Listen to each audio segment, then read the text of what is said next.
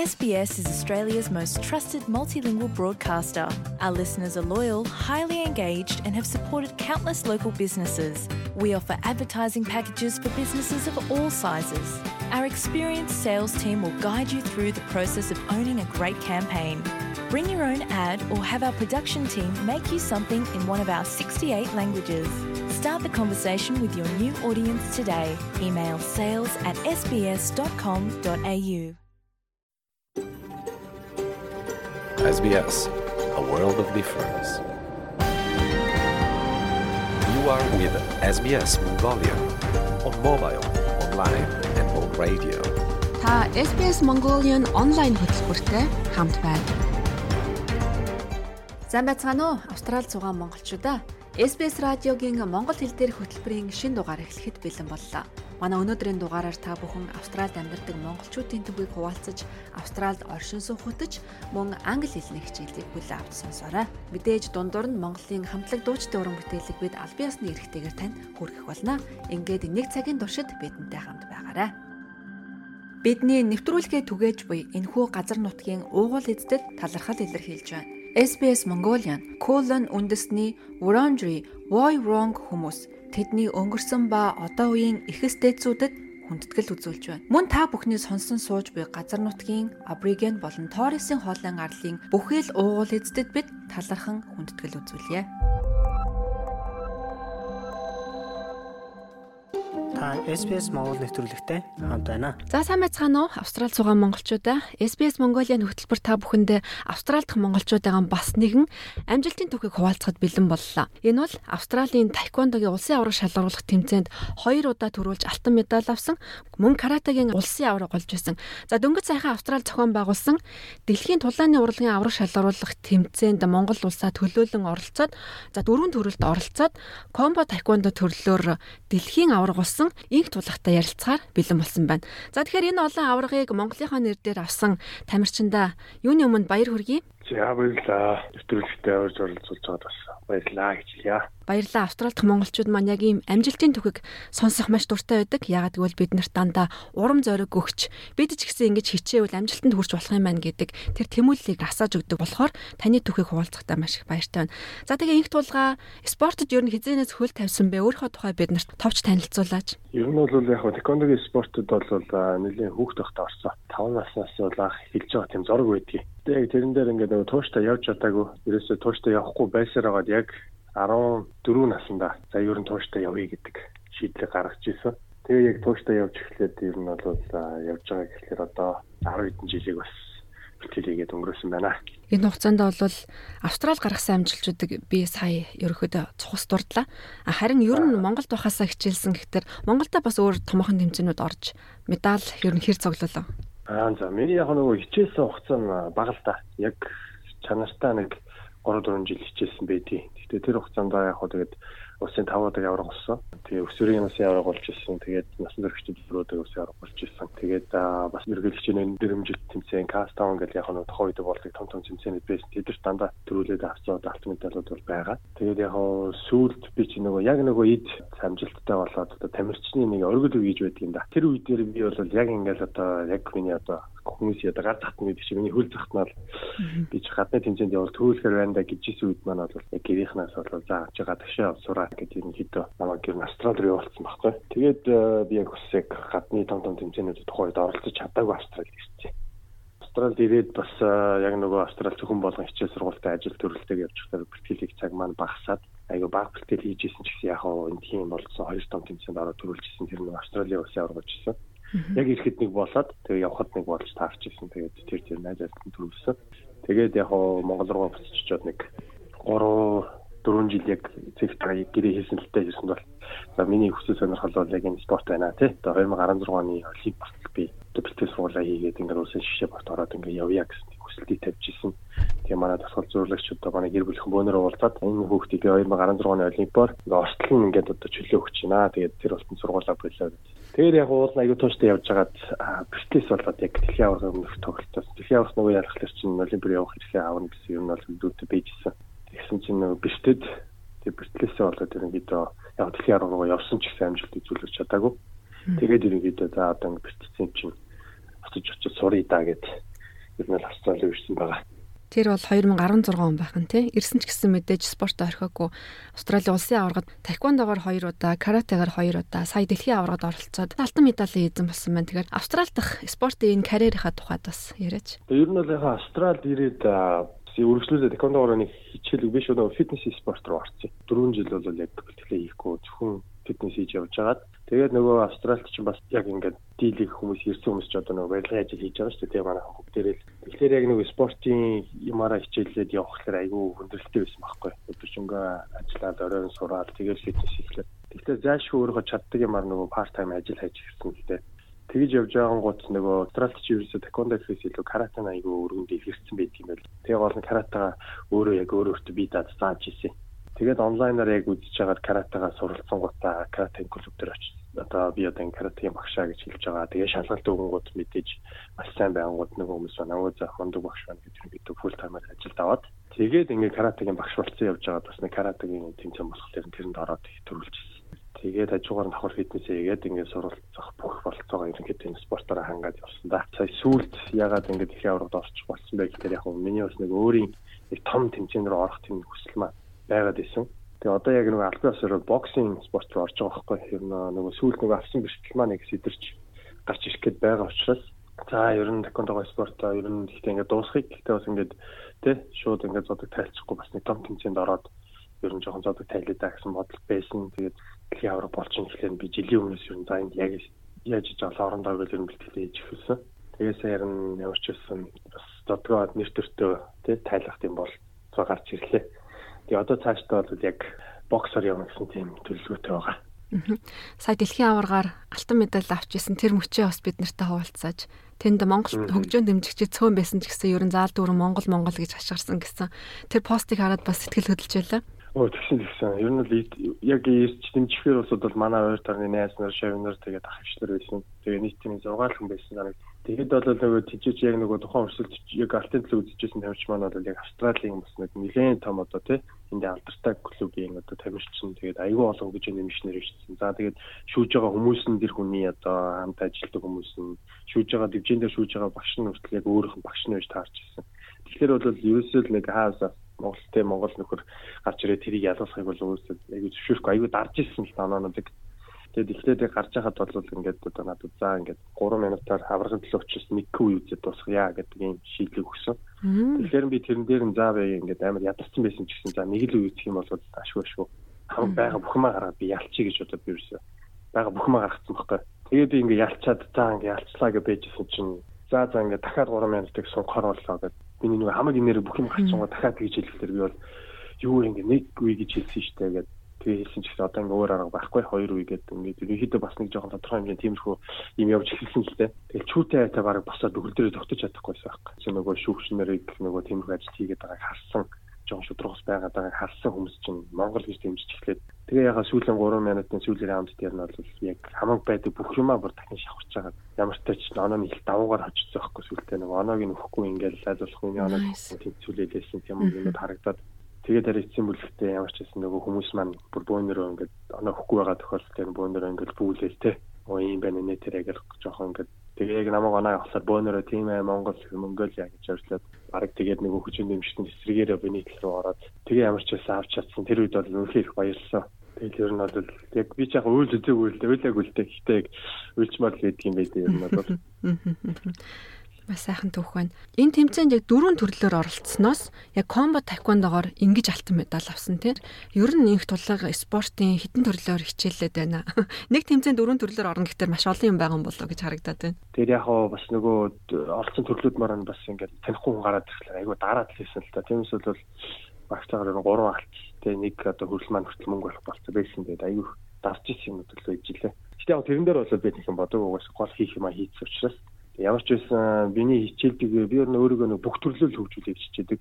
Тэгээ зөвхөн ингээд спортч гэлтгүй бас ингээд оюуны байдлаар ч юм уу асар олон төрлүүдээр ингээд байнга л сэтгүүлээ гэж боддог. Тэрэндээ л байгаа. Игтлэг юм бол зөвхөн спортын төдөөг бусад төрөлд идэвхтэй байгааг нь монголчууд бол харж анзаардаг бах. Хамгийн сүүлийн жишээ гэхэд Австрал дөнгөж ирээд удаагүйсэн нэгэн гэр бүл одоо Австралд тархины хүн тагалгаанд орох хандив аян цуглуулахад бол монголчуудаа уриалж исэн. За түнчлэн дуулдаг. YouTube дээр бас маш итгэвтэй байдаг юм байлээ. Монголчуудынхаа дунд бас янз бүрийн ивентийг зохион байгуулж байсан гэдэг ер нь бусад олон төрөлтөж бас нэлээд итгэвтэй залуу юм байна да гэж би харж байлаа. Тийм тэгээ нөгөө түрүүн хэлсэнчлэн ингээд аль болох би бол яг нэг ингээл ямар одоо ер нь хүнийг ингээл оо энэ спортын залуу юм байна за за гэдэг ингээд нэг дүгнчих гээд байдаг штеп хүмүүс. Тэгэхээр би болохоор надад тодорхой хэмжээний цаг хугацаа тий хамгийн 24 цаг байгаа. Энд нь би оройн нь би одоо шилжүү зүгээр би 0 сууж явах хүртэл би дууны хүч байж идэг. За тэгээд ер нь болон цаг хугацаа олдвол за би таквондо хийчих. За би ер нь фитнес хийчих юм тий. За эсвэл нэг карате жооч хичээлчих. За одоо тэгээд яг бокс руу айгууд юм жохорсод орсон байж байгаа. За тэгээд боломж оруулах энэ тэгээ залууны үүднээс те бас монголчуудынхаа төлөө шудраг бүсийн төлөө гэсэн тодорхой хэмжээнд үгээ хэлчихий дотроо бодож явдаг дүүлээ тэгвэл дан үгээр хэлээд байвал хүмүүс дургуутч магадгүй юм байна те тэгвэл би бас дуун дээр оруулаад аян дээр оруулаад дуу болох чи гэдэг ч юм яг иймэрхүү маягаар ингээл өөрөө хэлий гэсэн санаа хий гэсэн зүйлүүдээ ингээл аль болох болцоогоор зүтгүүлээл байгаа юм бол. Яг хоо бас хэлээгүй ингээ хүмүүст одоо одоохондоо ингээ нууц байлгаж байгаа хийдэг айгүй олон зүйлийн ажлууд байгаа онлайнаар. Тэрийг бас удахгүй байгаагаар хүмүүс мэдэгдүүлээд явах бах спортоор маш багасаа хичээлж эхэлсэн. За улсын бөгөөд олон улсын тэмцээнүүдийн олон медальтай хүний хувьд ер нь спорт өөрөө чинь хувьд ямар сайн зүйлүүдийг авчирсан гэж боддог вэ? Тэгэхээр яг ер нь бол спорт гэдэг бол намайг айгүй өөрчилсөн л доо. Бүх талаараа би чи ер нь араа ер нь бага бахаас л айгүй тийм шалчгаанууртай тийм жоохон сул дорой гэх юм хүүхдээсэн. Юм дээр ингээд буугаад өчтдөг. Тэгээд өөрөө нь хизээч спортын тамирчин болоод ингээ явна гэж үзсэн тооцох шаардлагагүй би бол бас чадахгүй тэр чинь хүн хийдэг байх гэдэг тийм бодолтой байжсэн. Тэгэхээр яг яг тийм бодолтой ингээд өөр өөртөө итгэлгүй тийм Монголд одоо айгүй олон дүүнэрээс залуучууд зөндөө байгаа. Тэгээд бас өөр хүүхдтэй эцэгчүүдээ сонсч ивэл заашгүй тэг спорт спортоор хүүхдүүд хичээлүүлээрээ спорт дундаа бас тулааны урлагийн спорт бол яа харахгүй орчин цагт бол яг үнд сахлах баттын хатуужил бүх зүйлийг сургаж идэг юм. Тэгээд яг одоо бол хамгийн хүүхдүүдийн хэрэгцээтэй байгаа зүйл болоод ерөөсөө цахилгаан батдаг зүйл байх. Тэгэхээр бол ирээдүйд энэ маань өөрөө том асар том асуудал болно. Дийлэх хөгжингүү орнууд одоо хөгжсөн байгаа орнуудад энэ маань бол том асуудал болоо явж байгаа байхгүй. Хүүхдүүд нэрээс ингээд ямар ч төлөвлөгөөний итгэхгүй ч юм уу эсвэл ямар цахилгаан бат байхгүй гэдэг нэг жоохон буруу зам руу орох гээд идэх юм те. Тэгэхээр энэ дээр бол яг зөв спортыг сонгоод тэгээд тэр тусан сулааны спортыг бол зайшгүй дургүй байсан ч хамаагүй нэг хэсэг жоохон хийлгүүлээд бас нэг цахилгаан бат гэдэг зүйлийг жоохон ч гэсэн амсуулаад аваасэл гэж бод эцэгчдээс хүсэж байна. Нэг ингээд их хүн амар мяа байж байгаад хичээж байгаад амжилт гаргачихлаар дараа нь бусад бүх салбар дээр би ингээд аа ингэж болтын байна гэдэг адилхан тэр сахилга баттай тэр dedication-ыг яг өөр өөртөө өгөөд явчих юм бол ямар салбарт амжилт гаргах боломжтой юм бэ гэж одоо эцэгчүүдэд хэлье да. Гахалтай тулга бас Монгол хүүхдүүдэд дасгалжуулдаг юм байна гэж би ойлгосон. Өөрөө клубтэй юу? Тийм Австралид клуб би чинь 2020 оноос хойш хөгжүүлээ явж байна. 2020 оноос өмнө бол дандаа гадаад хүмүүс ингээд багшлаад явж исэн. Тэгээд тухайд харж байгаад би ч бас ерөнхий сайдын ачид хүртэл нөгөө тулааны болыг зааж ирсэн байхгүй. Тэгээд яг хамаг байдаг чадвараа бүх ингээд нөгөө хүний доороо ажиллаад ингээд гаргачихлаар ерөөсөө ингээд Монгол хүүхдүүдтэй ч би өөрийнхөө юмыг өгч чадахгүй ингээд зөвхөн гадаад хүндийг бэлдэж өгöd байгаа юм шиг юм лээ. Тэгэхээр би за сүүлдээ 2020 оноос хойш ер нь тийм Монгол хүүхдүүдтэй яагаад ингэж өгч болохгүй. Яагаад гэвэл энд байгаа Сиднейд байгаа Монгол хүүхдүүд маань ч гэсэн тодорхой хэмжээнд эдийн гоё орчин байгаа ч гэсэн яг хөгжил дэвшил талаас нь жоохон хоцрогдол байд, тосролттой байдаг. Тэр нь бол ерөөсөө аав ээж нь хоёулаа зэрэг ажил хийгээ явуулдаг ч юм уу тийм эсвэл нэг хүүхдүүд харуулаа хүүхдээ харуулдаг ч юм уу тийм. Тэгэхээр ерөөсөө чаддаг мэдгээ Монгол хүүхдүүдтэй тийм хуваалцъя гэдэг үүднээс бол ингээд клуб байсладаг явж байгаа. Одоо энэ 3 жил үргэлжилсэн байна. Энэ хугацаанд бол 2 хэмжээнд том хэмжээнд зохиосон Монголд хүүхдүүд бол Монгол залуучдад бол зохиосон айгүй олон юм наар хэмжээнүүдийг залуучууд руу чиглүүлж зохиодог байсан. Тэгээд сүүлийн үед жоохон өөрөө нөгөө үе юм хийгээд яг тийм зохиох юм багасчаад байгаа. Саяны дэлхийн тулааны авраг шалралт тэмцээнд бас танаа шав өсвөрийн аврагад төрүүлж алтан медаль хүртсэн байсан тийм үү? Тий. Комбат кондогоор бас адилхан төрлөөр ороод төрүүлсэн байна. Тий, ямар ч хэсэн тэгээд шанарын авс бүгдийн ирээдүйд авраг болгоод бас эх орондоо хэрэгтэй хүмүүс болгоно л гэж бодсон л байж байгаа да. За баярлалаа. Их талгаа би чиний амжилтанд алга тасч баяр хүргэмээр санагдлаа. Тэгээд за шинээр эхлүүлж байгаа боксинг карьерт нь бас өндөр амжилтыг хүсье. За маш их баярлалаа. Тэгээд энэ ярилцлагыг сонссон бүх хүмүүстээ өдөр сайхан гөрүүлээрэй гэж хэлье да. За баярлалаа. За баяртай. За баярлалаа. За баяртай. SBS Монгол хэлээр бидний нэвтрүүлгийг Facebook, сошиал хуудасаар бусдаа хуваалцаарай. Манай радио хөтөлбөр Монголын уран бүтээлчдийн дууг аль биесны эрхтэйгээр танд хүргэдэг ингээд нэгэн уран бүтээлийг танд зориулъя.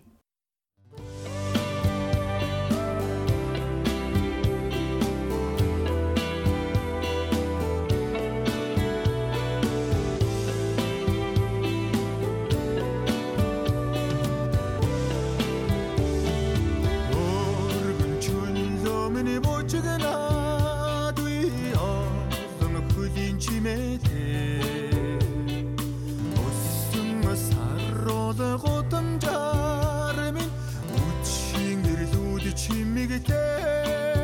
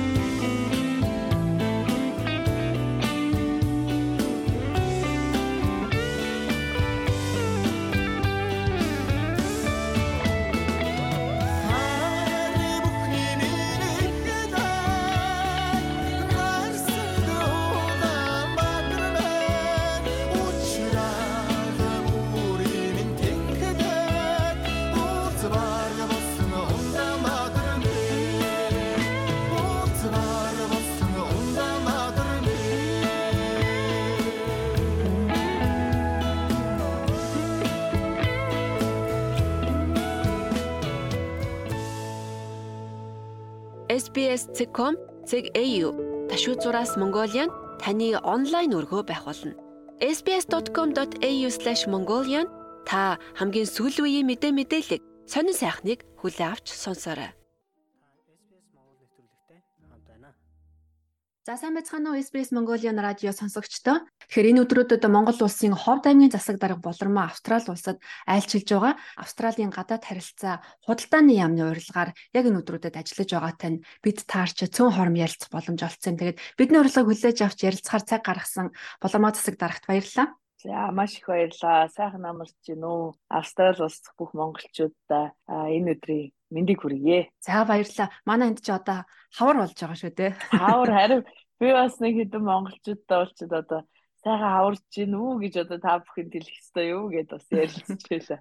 Тэгэлгүй яг хөө тэгээд Монголын намрын цагаар Австралид бол яг хавар болоод уран дулаан цаг ирж байгаад Австралид та ямар ажиллаар ирв хизээ буусан бэ? Миний хувьд уржигдэр Австрали улсад ирлээ. Анх удаага Австралид ирж байна. Их сайхан газар байна. Австралийн засгийн газрын урилгаараа гадаад харилцааны яамны Special Visits Program гэж зохион байгуулалт юм байна. За үүний урилгаар одоо хүрэлцэн ирээд Австрали улстай танилцах. За тэр дундаа одоо өөрийн сонирхсан салбаруудын уулзалтуудыг хийж бас удирдлагуудтай хийх уулзалтуудыг танаас нь зохион байгуулад иймэрхүү арга хэмжээтэй явж байна. Тэгэхээр таныг бол дэлхийн залуу манлайлагч гэдэг утгаар нь Австралийн гадаад харилцааны яам онцолж авч урьсан болов гэж бодож байна. Тэгэхээр таныг монголчууд бол мэдээж тань нь Ховд аймгийн засаг дарга анх таныг томилогдож байхад нэлээд анхаарлын төвд байсан тийм ээ. А гэхдээ таныг ягаад дэлхийн манлайлагч гэдэг утгаар харсан болоо та нэг юу гэж бодож байна? Таны өмнө хийж байсан ажлууд бас энд нөлөөсөн байх гэж бодож байна. За баярлалаа. Би бас товчхон танаа одоо сонсогчдод өөрийгөө танилцуулъя. За намайг Инх Батын болормаа гэдэг За миний хувьд болохоор Америкийн нэгдсэн улсад ерөнхийдөө дээд боловсрлоо эзэмшсэн. Монголдо төрж өсөөд 10 жилээ төгсөө тэгээд бакалавра болон магистрийн зэргийн Америкт төгссөн байгаа. За эдийн засагч мэрэгчлээ олон улсын харилцаа за тэр дундаа environmental science буюу одоо байгаль орчин хамгаалтын чиглэлээр бол одоо сурч бас төгссөн double major гэж economics and international studies буюу эдийн засаг болон олон улсын харилцааны одоо юм давхар мэрэгчлээ төгсөөд тэгээ магистрийн зэрэгээ бол төрийн удирдлагын буюу нийтийн удирдлагын гэж ярьдаг байгаа Masters of Public Administration тэр дундаа хөгжлийн бодлого Development Practice-аар Columbia University New York төгссөн байгаа. За тэрнээс хойш бол ер нь олон улсын байгууллагуудаар ажилласан. Дэлхийн банкны Төв офис, Washington DC дуурамжлалын өөрчлөлтийн чиглэлээр ажилласан. За гүйцэтгэх захирлын ажлын албанд ажилласан. За мөн одоо Nubin харьяатай гих Green Climate Fund олон улсын ногоо уур амьсгалын өөрчлөлтийн одоо эсрэг ажилтны сан Аз номхон даалгаврыг хариуцж ажиллаж байсан. Тэр дунд Pacific бас нэлээд том портфолиотой байсан. Тэгэхээр Австралид ирж байгаагүй ч бас энэ бүс нутагтай холбоотой ажлуудыг бас баг зэрэг хийж байсан. За мөн бас Азийн дэд бүтцийн хөрөнгө оруулалтын банк гэж Asia Infrastructure Investment Bank ажиллаж байсан.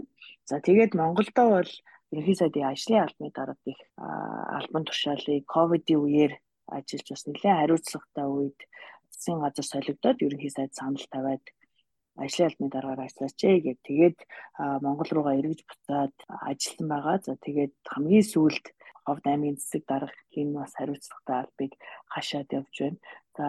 За дэлхийд энэ эмэгтэйчүүдийн манлайллыг нэлээд онцолж байгаа учир бас одоо магадгүй Австралийн засгийн газар үнийг хараад Монгол улсын бас эмэгтэй засаг даргыг энэ хөтөлбөрт урья гэж бодсон болов уу гэж бодож байна. Маш таатай байна. Таныг бас Монголоос анх удаа ирж байгаа залуу манлайлагч гэж ойлгосон. А энэ special visit program-аар өмнө нь Монголоос бол хүн ирж байгаагүй бах. А за яг миний ойлгосноор яг бас залуучууд гэмч онцлтгүй.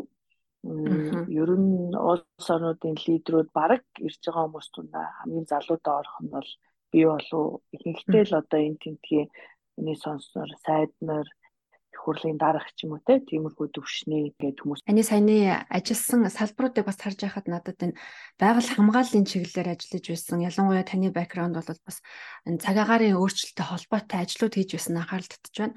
За яагаад гэвэл Австрали улс бол бас энэ цаг агаарын өөрчлөлтөд тэмцэхэд хүчин чармаалт гаргадаг улсын хувьд энэ дээр бол хоёр талын сонирхол нийцж байгаа болоо гэж харагдаж байна. Ялангуяа эрчим хүчний салбар таны анхаарлыг татаж байгаа гэсэн энэ талаар та ямар уулзалтуудыг төлөвлөсөн байгаа вэ? За ер нь дэлхийн хэмжээнд уур амьсгалын өөрчлөлт бол яахын аргагүй одоо хамгийн том эрсдэл дагуулж байгаа асуудлуудын нэг гэж за Австрали улс те одоо томоохон арлын хувьд энэ уур амьсгалын өөрчлөлт нь байгальд нь хэрхэн нөлөөлөх те бороо хур байгалийн аюулт үзэгдлүүд гих мэтлээ олон зүйлсийн нөлөөнүүд байгаа. Монгол улсын хувьд ч гэсэн одоо уур амьсгалаас үүдсэн олон нөлөөллүүд бид нарт байгаа. Энийний хариу арга хэмжээ бол бид нар хүлэмжийн хийн ялгарлыг бууруулах. За Монгол улс ч гэсэн нэлээд бас амбицтай гэж шилж болох зорилтуудыг тавьсан байгаа.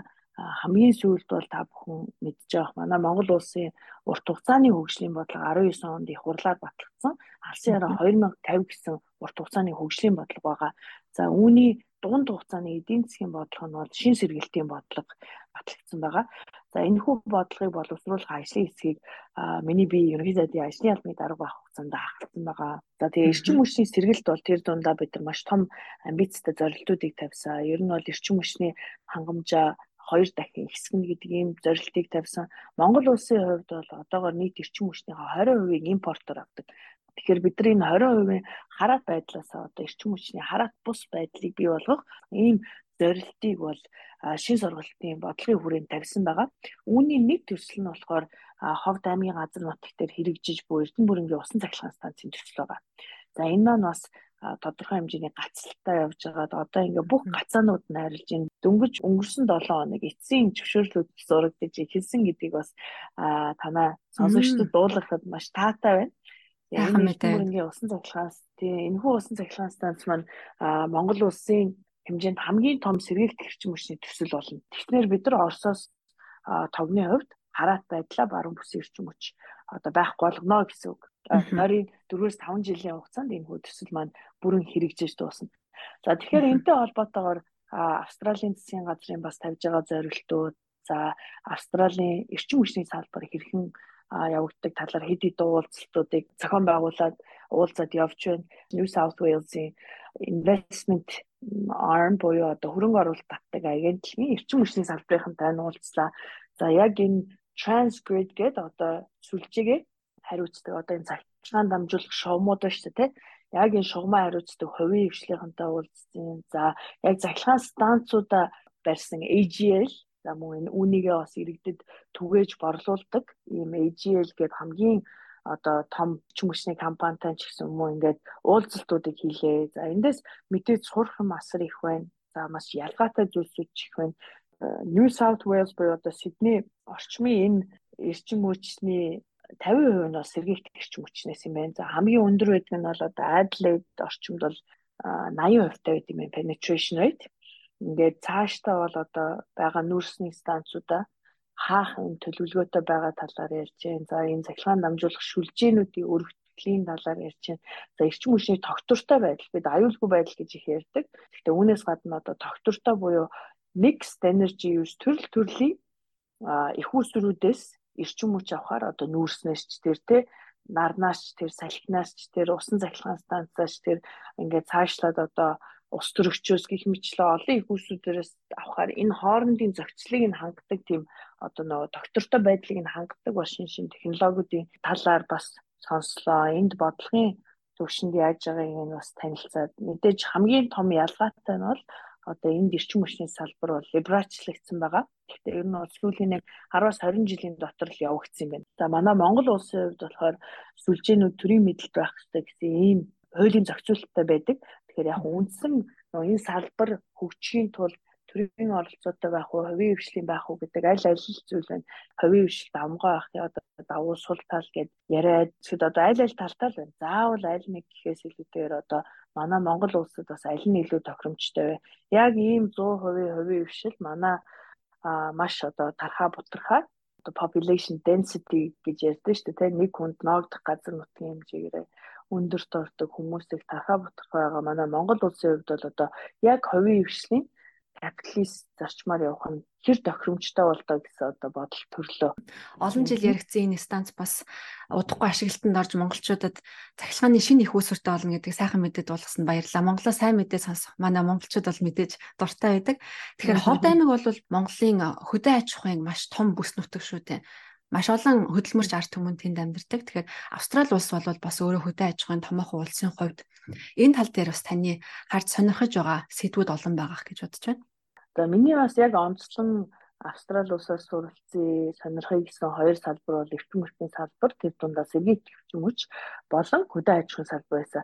А яг одоогор би нөгөө хөдөө аж ахуйн уулзалтуудаа хийж эхлэегүй байна л да. Тэгэхээр ийм зүйл гарлаа үзлээ мэдлээ гэж одоо тайлбарлах зүйл одоогор алга. А гэхдээ яагаад энэ салбарыг сонирхсон бэ гэхээр өөрөө яг он чиллээ манай ховд аймаг бол хөдөө аж ахуйн салбараар бас Монголдо ер нь л бусад аймагуудтайгаа ижил одоо төвшөнд явж байгаа. Бид бол цаашаага одоо үйлдвэр технологийн парк, шинэ ховд агро парк гэсэн хоёр төсөл улсын төсвийн хөрөнгө оруулалтаар ингээд дэд бүтсэн батагтаад явж байгаа. Тэгэхээр би энд одоо мөн одоо хөдөө аж ахуйн бодлого хэрхэн хэрэгждэг талаар сонирхож за тэр дундаа эрчимцэн мал аж ахуй хэрхэн явагдаж ч юм уу ер нь эдийн засгийн бүтцийн хувьд Австрали улсыг харахад манай Монголтой нэлээд төстэй л байна л да. Хамгийн том экспорт нь бол ерөөсөө л уул уурхайн салбар байна. Тийм дараагийнх нь бол гадаадаас ирж байгаа оюутнууд чинь нөгөө экспортонд тооцогддог байхгүй юу? Ер нь бол нөгөө боловсролын экспорт чиг яг эдийн засгийн тооцоололтод тэр нь бас нэлээд өндөртэй бас орд юм байна. Тэгэхээр энэ нөгөө бүтцэн төстэй байгаа улс орнууд бид нар одоо жишээлбэл өөр байгалийн баялаггүй оронтой яг адилхан ингээл үйлдвэржилт хийгээл явах нь хүн ам цуйд ажиллах хүчүүд орны хувьд бол хэцүү шүү дээ. Тэгэхээр эндээс иймэрхүү төстэй бүтцтэй эдийн засгийн бүтцтэй улс орон ялангуяа хөдөө аж ахуйгаа яаж хөгжүүлж байна гэдгийг онцгойлон сонирхъя гэж суралцъя гэж бас бодож байгаа. Австрали бол дэлхийн шилдэг лидерүүдийг урьж ярилцаж байгаа. Тэгээ таны бас нэг харж сонирхох салбар бол яа харахгүй манлайлагчдын тэр үүрэг оролцоо улс орны хөгжилд хэр байдаг вэ гэдгийг харах бах. Энэ талаар ер нь та хэр ойлголт одоогоор авч амжиж байна. Мэдээж айлчлал дуусах болоогүй дундаа явж байгаа болохоор тийм ээ одоогийн байдлаар. Аа за яг Австралиас онцлоод харахад жишээлбэл гадаад хэргийн сайдын эмэгтэй хүн байна те. Эмэгтэй ерөнхий сайдтай байсан нэг удаа За миний бас уулзалт хийж байгаа яг хувийн хвшлийн дунд бол нэлээ эрэгтэй захирлууд ихтэй боловч төрд одоо магадгүй зохион байгуулалтанд хийж таарсан юм аа нэлээд их эмэгтэй удирдагч нартай уулзах уулзалтууд таарч байна. Тэгээд мэдээж мөн одоо ардчилсан хоёр том намтай үүнээс ч гэсэн бид нар суралцах зүйл их байгаа. Гэхдээ Монгол улсын хувьд бол улс орны хувьд төрт ёсны хувьд олон жилийн түүхтэй ч одоо ардчлалын хувьд бол харьцангуй богино түүхтэй одоо би өөрөө яг хөгжлийн бодлогын чиглэлийн хүний хувьд хэлэхэд те одоо энэ орон шиг тэр орон шиг хөгжинө гэж юу нь байхгүй. Энэ бүх орнууд чи өөрсдийн асар олон жилийн түүхтэй өөрсдийн зовлонгоо туулж тэ өөрсдийнхөө онцлогтойд харуулж хөгжиж яваа. Тэгээд цаг хугацаа хэмнэхийн тулд бид нар эндээс нь тэндээс нь сурах зүйлсүүд байлгүй яг. А гэхдээ Монгол улсын хөгжлийн замналыг бол монголчууд л гаргана. Тэгээд энэ болгонд бас Австралид байгаа монголчуудын маань оруулах хувь нэмэр бас их шүү. Ер нь гадаадд байгаа монголчуудын маань оруулах хувь нэмэр их. Би мөн л гадаадд жилж амьдарч исэн монгол хүний нэг байсан. Монгол улсынхаа төлөө дэлхийн хаанаас ч хүн хувь нэмрээ оруулж болно. Тэр чинь нэгээр хүмүүс оруулж байгаа. Мэдээж үүн дээр хүмүүс олон хэлдэг л одоо монголчууд бүгдээрээ гадагшаа явж ийн гэдэг ч юм уу. За би хувь хүний хувьд энэ дээр нэг тийм сөрөг байр суурь байдаг. А энийг бол тодорхой хэмжээний апскилинг буюу тэр хүн чадвараа ахиулж байна л гэж хардаг.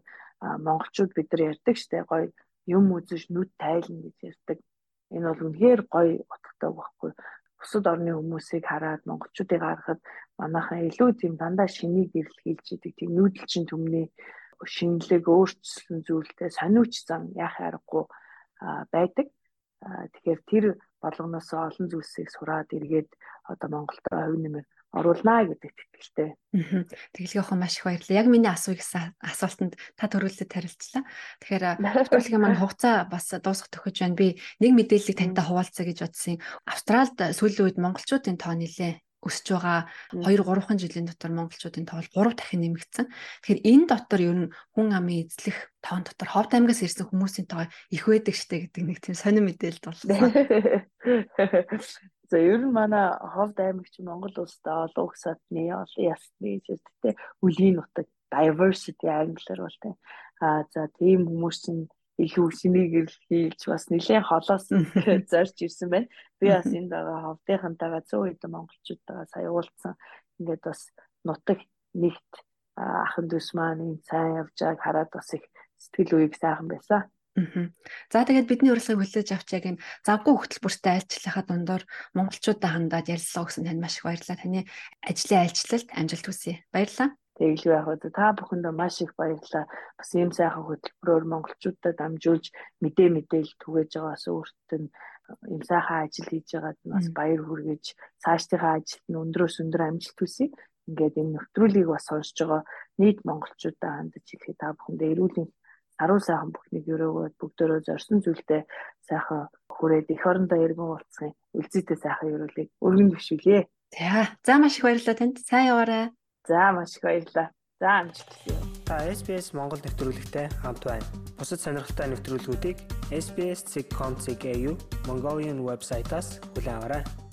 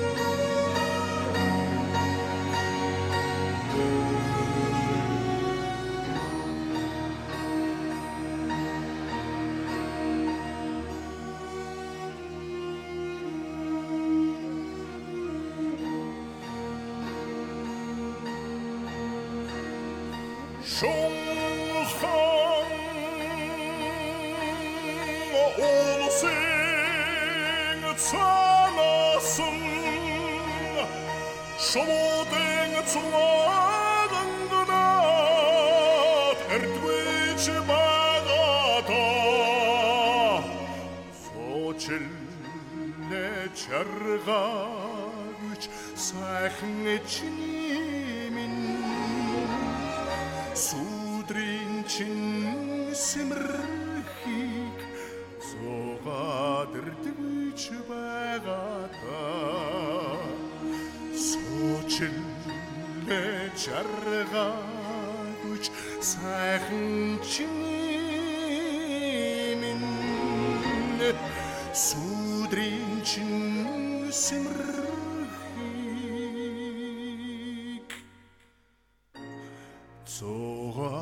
зугаадэрдвэж байгаата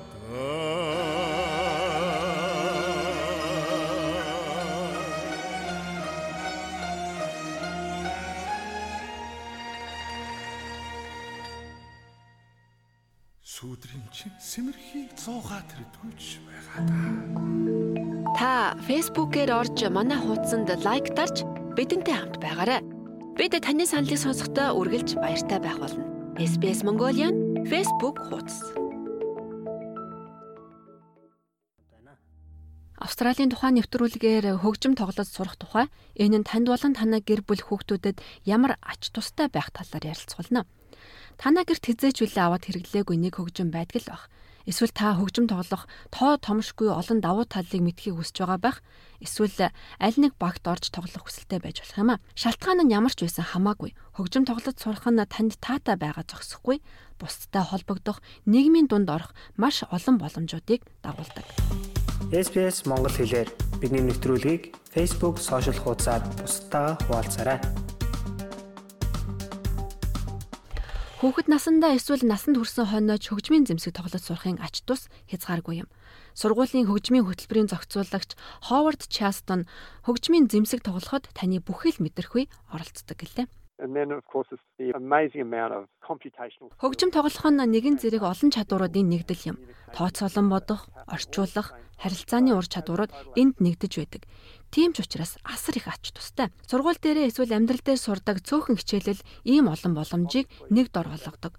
Тоо бичгийн хичээлийг та бодоод үзээрэй. Хөгжимд энэ бүхэн болон бусад өөр зүйлсийг ч багтаадаг. Энэ нь математик, бичих, биеийн тамирын боловсролч ордог юм а. and more. It's sort of a cross between numeracy, literacy and PE. Хөгжмийн маш олон хичээлүүдийг онлайнаар үнэгүй авах боломжтой. Та өөрийн чадвартай тохирсон заавартай хичээлийг аваад шууд эхлэх боломж бий. Гэхдээ та тоглох техникийг сайн эзэмшиж, ашиг тусыг нь хамгийн сайнаар хүртэхийг хүсч болох юм. Тэгвэл танд дараах зөвлөгөөг өгч байна. Иска Самсон бол хөгжимчин хийл гих мэд жавхтаст хөгжмийн багш юм. Түүний хэлж байгаагаар хөгжмийн зэвсгийн багштай ажиллах нь маш их үр өгөөжтэй гэлээ. The great thing about having a teacher is that you Багштай байхын хамгийн сайн зүйл бол та тэдэнтэй хамт хичээлдэг. Тэд таны хэрхэн тоглож байгааг харж, сонсож, тухайн зэмсэгт тохирсон зөвлөгөөг өгөх боломжтой. Мөн тэд өөрөө тоглож үзүүлэх бөгөөд та тэднийг харж, сонсно. Хичээлийн өөрний гайхалтай зүйл бол бусад хүмүүстэй тоглох боломжтой юм.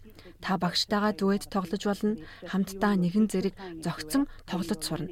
Ийм байдлаар маш олон ур чадварыг олж авдаг.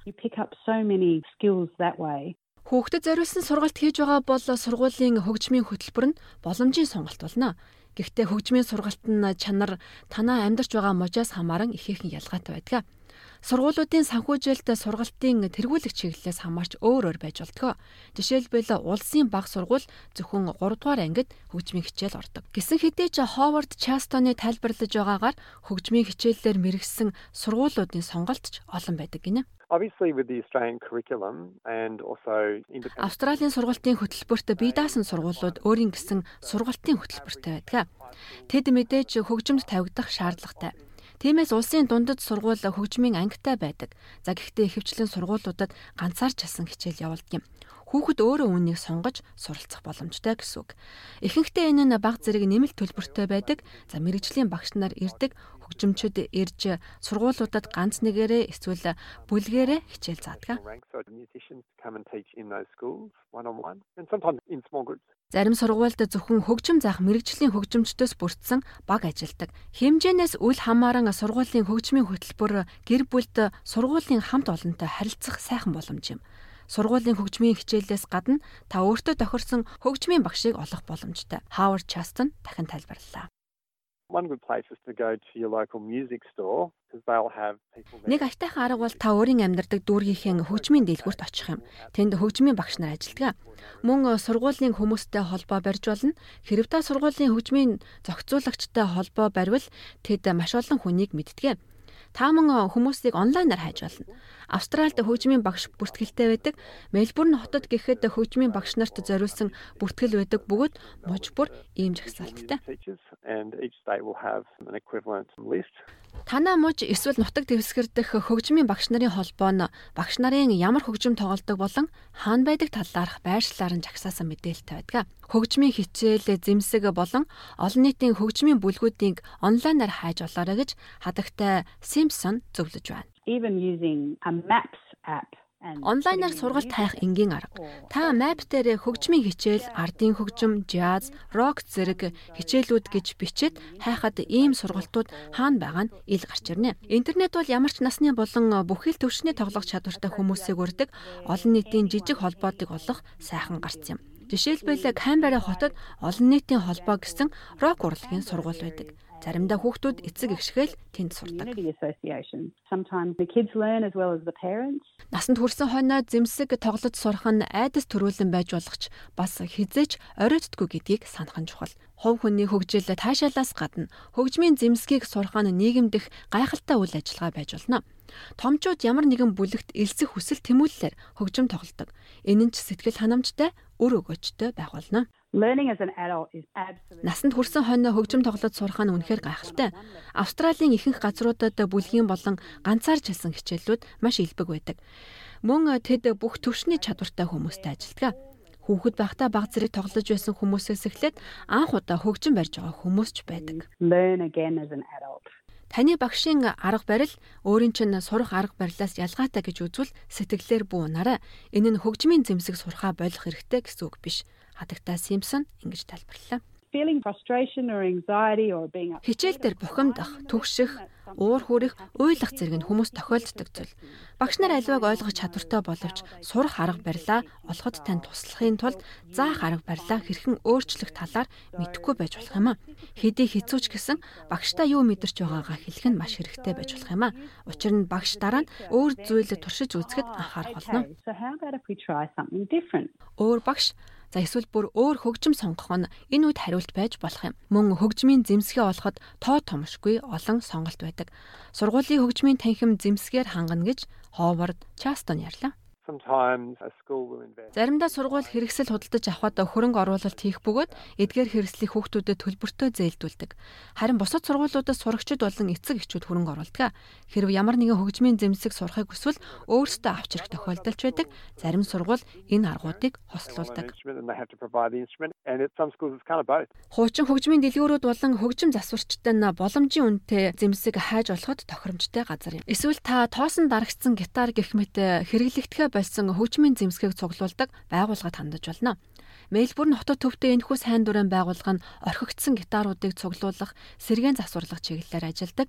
Дараа нь хөгжмийн боловсролын хөтөлбөрт эдгээр гитараа хандуулдаг юм байна. Үүсгэн байгуулагч Крэг Фот анхлан суралцагчдын хувьд хамгийн нийтлэг хөгжмийн зэмсгүүдийн нэг болох гитар авах талаар үнэтэй хэмнэлттэй зөвлөгөөг танд өгч байна. If you're looking for an instrument, there are many good music stores out there. Хэрэг та хөгжмийн зэмсэг хайж байгаа бол онлайн сургалтын хөтөлбөрт хамрагдаж зарим хэрэгслийг багтаасан танилцуулах багцуудыг санал болгодог. Хүмүүс манай тоосон дарагдсан гитар гэх мэт байгууллагатай шууд холбогдож өөрт тохирох гитарыг олж авах боломжтой.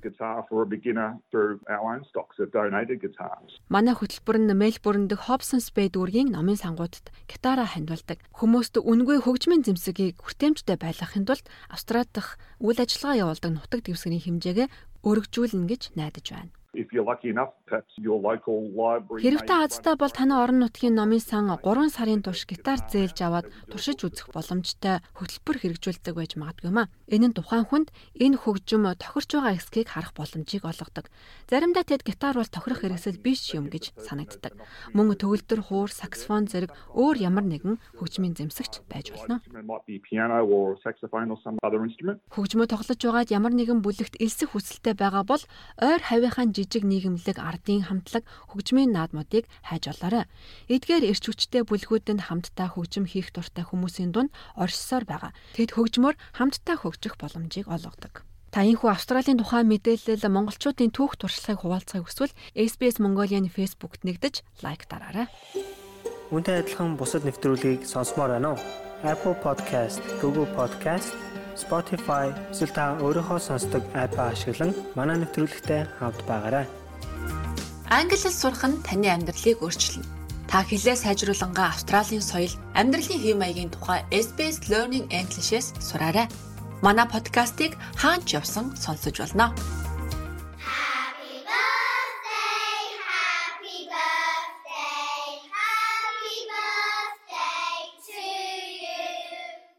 Happy birthday to you. I bet you've heard this a thousand times. My name's Janice Peterson, and I have to communicate clearly and effectively as an SBS World News presenter. In fact, I practiced so much that some people have even said I'm a queen of pronunciation. Good pronunciation skills can give you more confidence and people will stop asking you to repeat your words. So, let's start. Wishing someone a happy birthday is a great thing to do, but it is difficult for many learners. So, if you find it hard, you are not alone. This is because the sounds p and b are very similar. For example, it can be a problem if you're trying to say, I want a peach, the fruit, but your friend hears, I want a beach, the ocean. Or even worse, if you told your friend you have good pitch, good at singing, but they hear something else entirely. So, today we're going to focus on the difference between the p and b sounds. Let's start by comparing the sounds in these word pairs pack, back, pet, bet, pill, bill, pin, bin. Can you hear the difference? Now, let's work on how to pronounce these sounds. Both of these sounds are made in the same part of your mouth. You put your tongue in the centre of your mouth with your teeth slightly open and your lips gently closed. You then blow air through your lips. So, what's the difference? The p sound is unvoiced. That means you don't use your voice when you say it. You might like to try saying these words with your hand on your throat. If you've said them correctly, you won't feel any vibration in your throat. Pin, pack, pet. Now, Have a try saying the voiced b sound with your hand on your throat. You should feel a vibration. Bin, back, bet. Did you feel the vibration this time? Feeling the vibration is how you know the sound is voiced. Have a try saying happy birthday with your hand on your throat. Can you feel the difference in the vibrations the different sounds make? Who's with us today? We are from IES College in Brisbane. Oh, ready? Go, go, three. One, two, three. Happy birthday to you. Happy birthday to you. Happy birthday, dear Peter. Happy birthday to you. Happy birthday, Peter. Why don't you try recording yourself and your friends singing the happy birthday song next time you're at a party? Then you can listen back to the recording and check your pronunciation Well done! You've just learnt and practiced the difference between the p and b sounds. You can go to sbs.com.au slash learn English to find the transcript for this episode and more pronunciation mini pods. Та SBS Монгол хэл дээрх радио хөтөлбөртэй хамт байна. Та SBS Монгол нэвтрүүлэгтэй хамт байна. Хөл бөмбөөр хичээлдэг охид эмэгтэйчүүдийг дэмжих сан байгуулжээ. 2023 оны хөл бөмбөгийн эмэгтэйчүүдийн дэлхийн авраг шалгаруулах тэмцээнд Матилдас амжилттай оролцсны дараа Commonwealth Bank болон Австралийн хөл бөмбөгийн холбооноос охид эмэгтэйчүүдийн хөл бөмбөгдөх оролцоог дэмжих сан байгуулжээ. Энэ нь 50 мянган эмэгтэйг оролцуулах, авч үлдэх зорилготой бөгөөд олон нийтийн клубүүдэд 50 мянга хүртэлх долларын буцалтгүй тусламж үзүүлж эмэгтэйчүүдийн спортын оролцоог дэмжих зорилготой юм. Тус санаа нь улс даяар дасгалжуулагчийн хөгжлийг дэмжих юм. Ингэхдээ улс даяар тэтгэлэг, нөөц, техникийн сургалт сүлжээгээр дамжуулан дэмжлэг үзүүлэх юм а. Моник Маклод Commonwealth банкны маркетинг корпорацийн асуудал хариуцсан гүйцэтгэх сахирал юм. Тэрээр FIFA-гийн эмэгтэйчүүдийн дэлхийн авраг шалгаруулах тэмцээнд төрүүлсэн нь Австралийн спортод ихээхэн өөрчлөлт авчирсан гэж ярьлаа. The FIFA Women's World Cup was FIFA-гийн эмэгтэйчүүдийн дэлхийн авраг шалгаруулах тэмцээн бол үнэхээр гайхалтай мөч байлаа. Хүн бүр Матилдасын сэтгэл хөдөлгөм ялалтын нэг хэсэг байхыг хүсч мэдэрч тэд үнэхээр гайхалтай үр гүйцэтгэсэн тул хөл бөмбөг тоглохыг хүсдэг шинэ үеийн охидод талбайд гарах урам зориг өгсөн юм. Хадагтай Маклод яагаад Австралийн хөл бөмбөгийн холбоо Commonwealth Bank шинээр энэхүү санг байгуулж байгааг ингэж тайлбарллаа. We're launching the Growing Football Fund because it's so Бид Growing Football сан эхлүүлж байна. Бид Австралийн хөл бөмбөгт иргэн ирэх нь маш чухал бөгөөд анхан шатнаас эхлээд элит төвшөнд хүртэлх оролцоотой байх юм а. Бидний хувьд энэ урам зоригийг олж харж амлалтаа ахиулах боломж юм. Дэлхийн авраг шалгаруулах тэмцэнээс бид энэхүү ажлыг хийх урам зориг авсан бөгөөд энэ спортоор хичээлэх хүсэлтэй залуу охид эмэгтэйчүүдэд туслахын тулд үнэхээр илүү ихийг хийх хэрэгтэйг ойлгуулсан юм. Энэ бол бидний хувьд анхан шатны төвшөнд илүү их зүйлийг хийх сайхан боломж юм а. Сара Волш бол Австралийн хөл бөмбөгийн эмэгтэйчүүдийн хөл бөмбөгийн албаны дарга. Тэрээр 2004 оны зуны олимп, 2006 оны AFC-гийн эмэгтэйчүүдийн Азийн цом 2007 оны хөл бөмбөгийн эмэгтэйчүүдийн дэлхийн аврах шалгаруулах тэмцээнд үндэсний хэмжээнд Австрали улсыг төлөөлөл оролцож байсан мэрэгжлийн хөл бөмбөгч юм. Хадагта Волш сан юунд зорж байгааг ингэж тайлбарллаа. The fund has two key objectives. One is Энэ сан хоёр зорилготой. Нэг нь эмэгтэйчүүд охтыг татах, тэднийг авч үлдэх зорилготой. Олон нийтийн клуб тэтгэлэг олгох явдал бөгөөд бид өөрсдийнхөө төлөвлөгөөгөөр дамжуулан үндэсний хэмжээнд 50 50 хүрэх зоримог зорилттой байгаа юм. Эдгээр тэтгэлэг нь клубүүдийн шаардлагатай хөрөнгө оруулалтын эхлэлийг өгнө гэдэгт бид үнэхээр итгэлтэй байна. Хөтөлбөрийн хоёр дахь хэсэг нь 2000 дасгалжуулагчийг сургалтанд хамруулж тэднийг илүү олон эмэгтэйчүүд октыг тоглолтонд татан оролцуулж 50 50 төгрөх замд үнэхээр тус болох дасгалжуулагчийг бий болгох юм. Тэгвэл энэ санаачлаг олон нийт эмэгтэйчүүдийн хөл бөмбөгт хэрхэн туслах бол? Хадагтай Walsh тайлбарлаж байна. We've done such a good job, I believe, at a national level with our Combank Matildas. Бид маш сайн ажил хийсэн гэж итгэдэг. Манай Commonwealth Bank Matildas-тай үндэсний хэмжээнд Perth хотод тоглосон. Бид Commonwealth Matildas-ын тусламжтайгаар хөлбөмбөгийн эмэгтэйчүүдэд илүү их мэдлэгийг өгч талбай дээр тэдний гайхалтай дүр төрхийг гаргаж ирж байна. Бид 2009 он тоглогчдод гендрийн цалин хөлсний асуудлыг зуучласан. Үүнийг анхан шатны төвшөнд буцаан авч ирэхэд үнэхээр боломж байхгүй. Үндэсний шигшээ багтаага ижил зарчмуудыг баримтлана. Энэ сан эх 2 жилийн хугацаанд илүү их өөрчлөлтийг хурдсахад урт замыг туулах болно гэдэгт би итгэлтэй байна. Бид үүнийг Commonwealth Bank-тай хамт хэрхэн бий болгох бол гэхээс маш их баярлж байна. Энэ хөтөлбөрт оролцох хүсэлтэй хүмүүст өгөх зөвлөгөө түүнд байна. Хэрэгтэй орон нутгийн клубт байдаг эсвэл тоглогч бол клубээрээ нэг орж илүү мэдээлэл аваарай. Ойрын 2-7 хоногтой бид илүү наривчсан мэдээллээр хангах болно.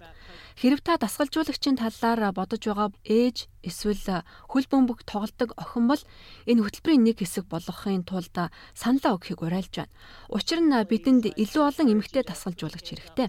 Танд оролцох олон боломж бий. Тиймээс клубтэй ойрын хугацаанд холбоо бариарай. Утгагүй бид олон мэдээллийг түгээх болно. Тэтгэлэгт хамрагдах өргөдөл 11-р сарын 8-нд нэгдэж, элсэгчдийг 2024 оны 2 дугаар сард зарлах юм байна. SBS A World of Difference. Манай хөтөлбөртэй хамт байсан та бүхэндээ баярлалаа. Хөтөлбөрөө бид нэгэн сайхан уран бүтээлээр өндөрлөж байна.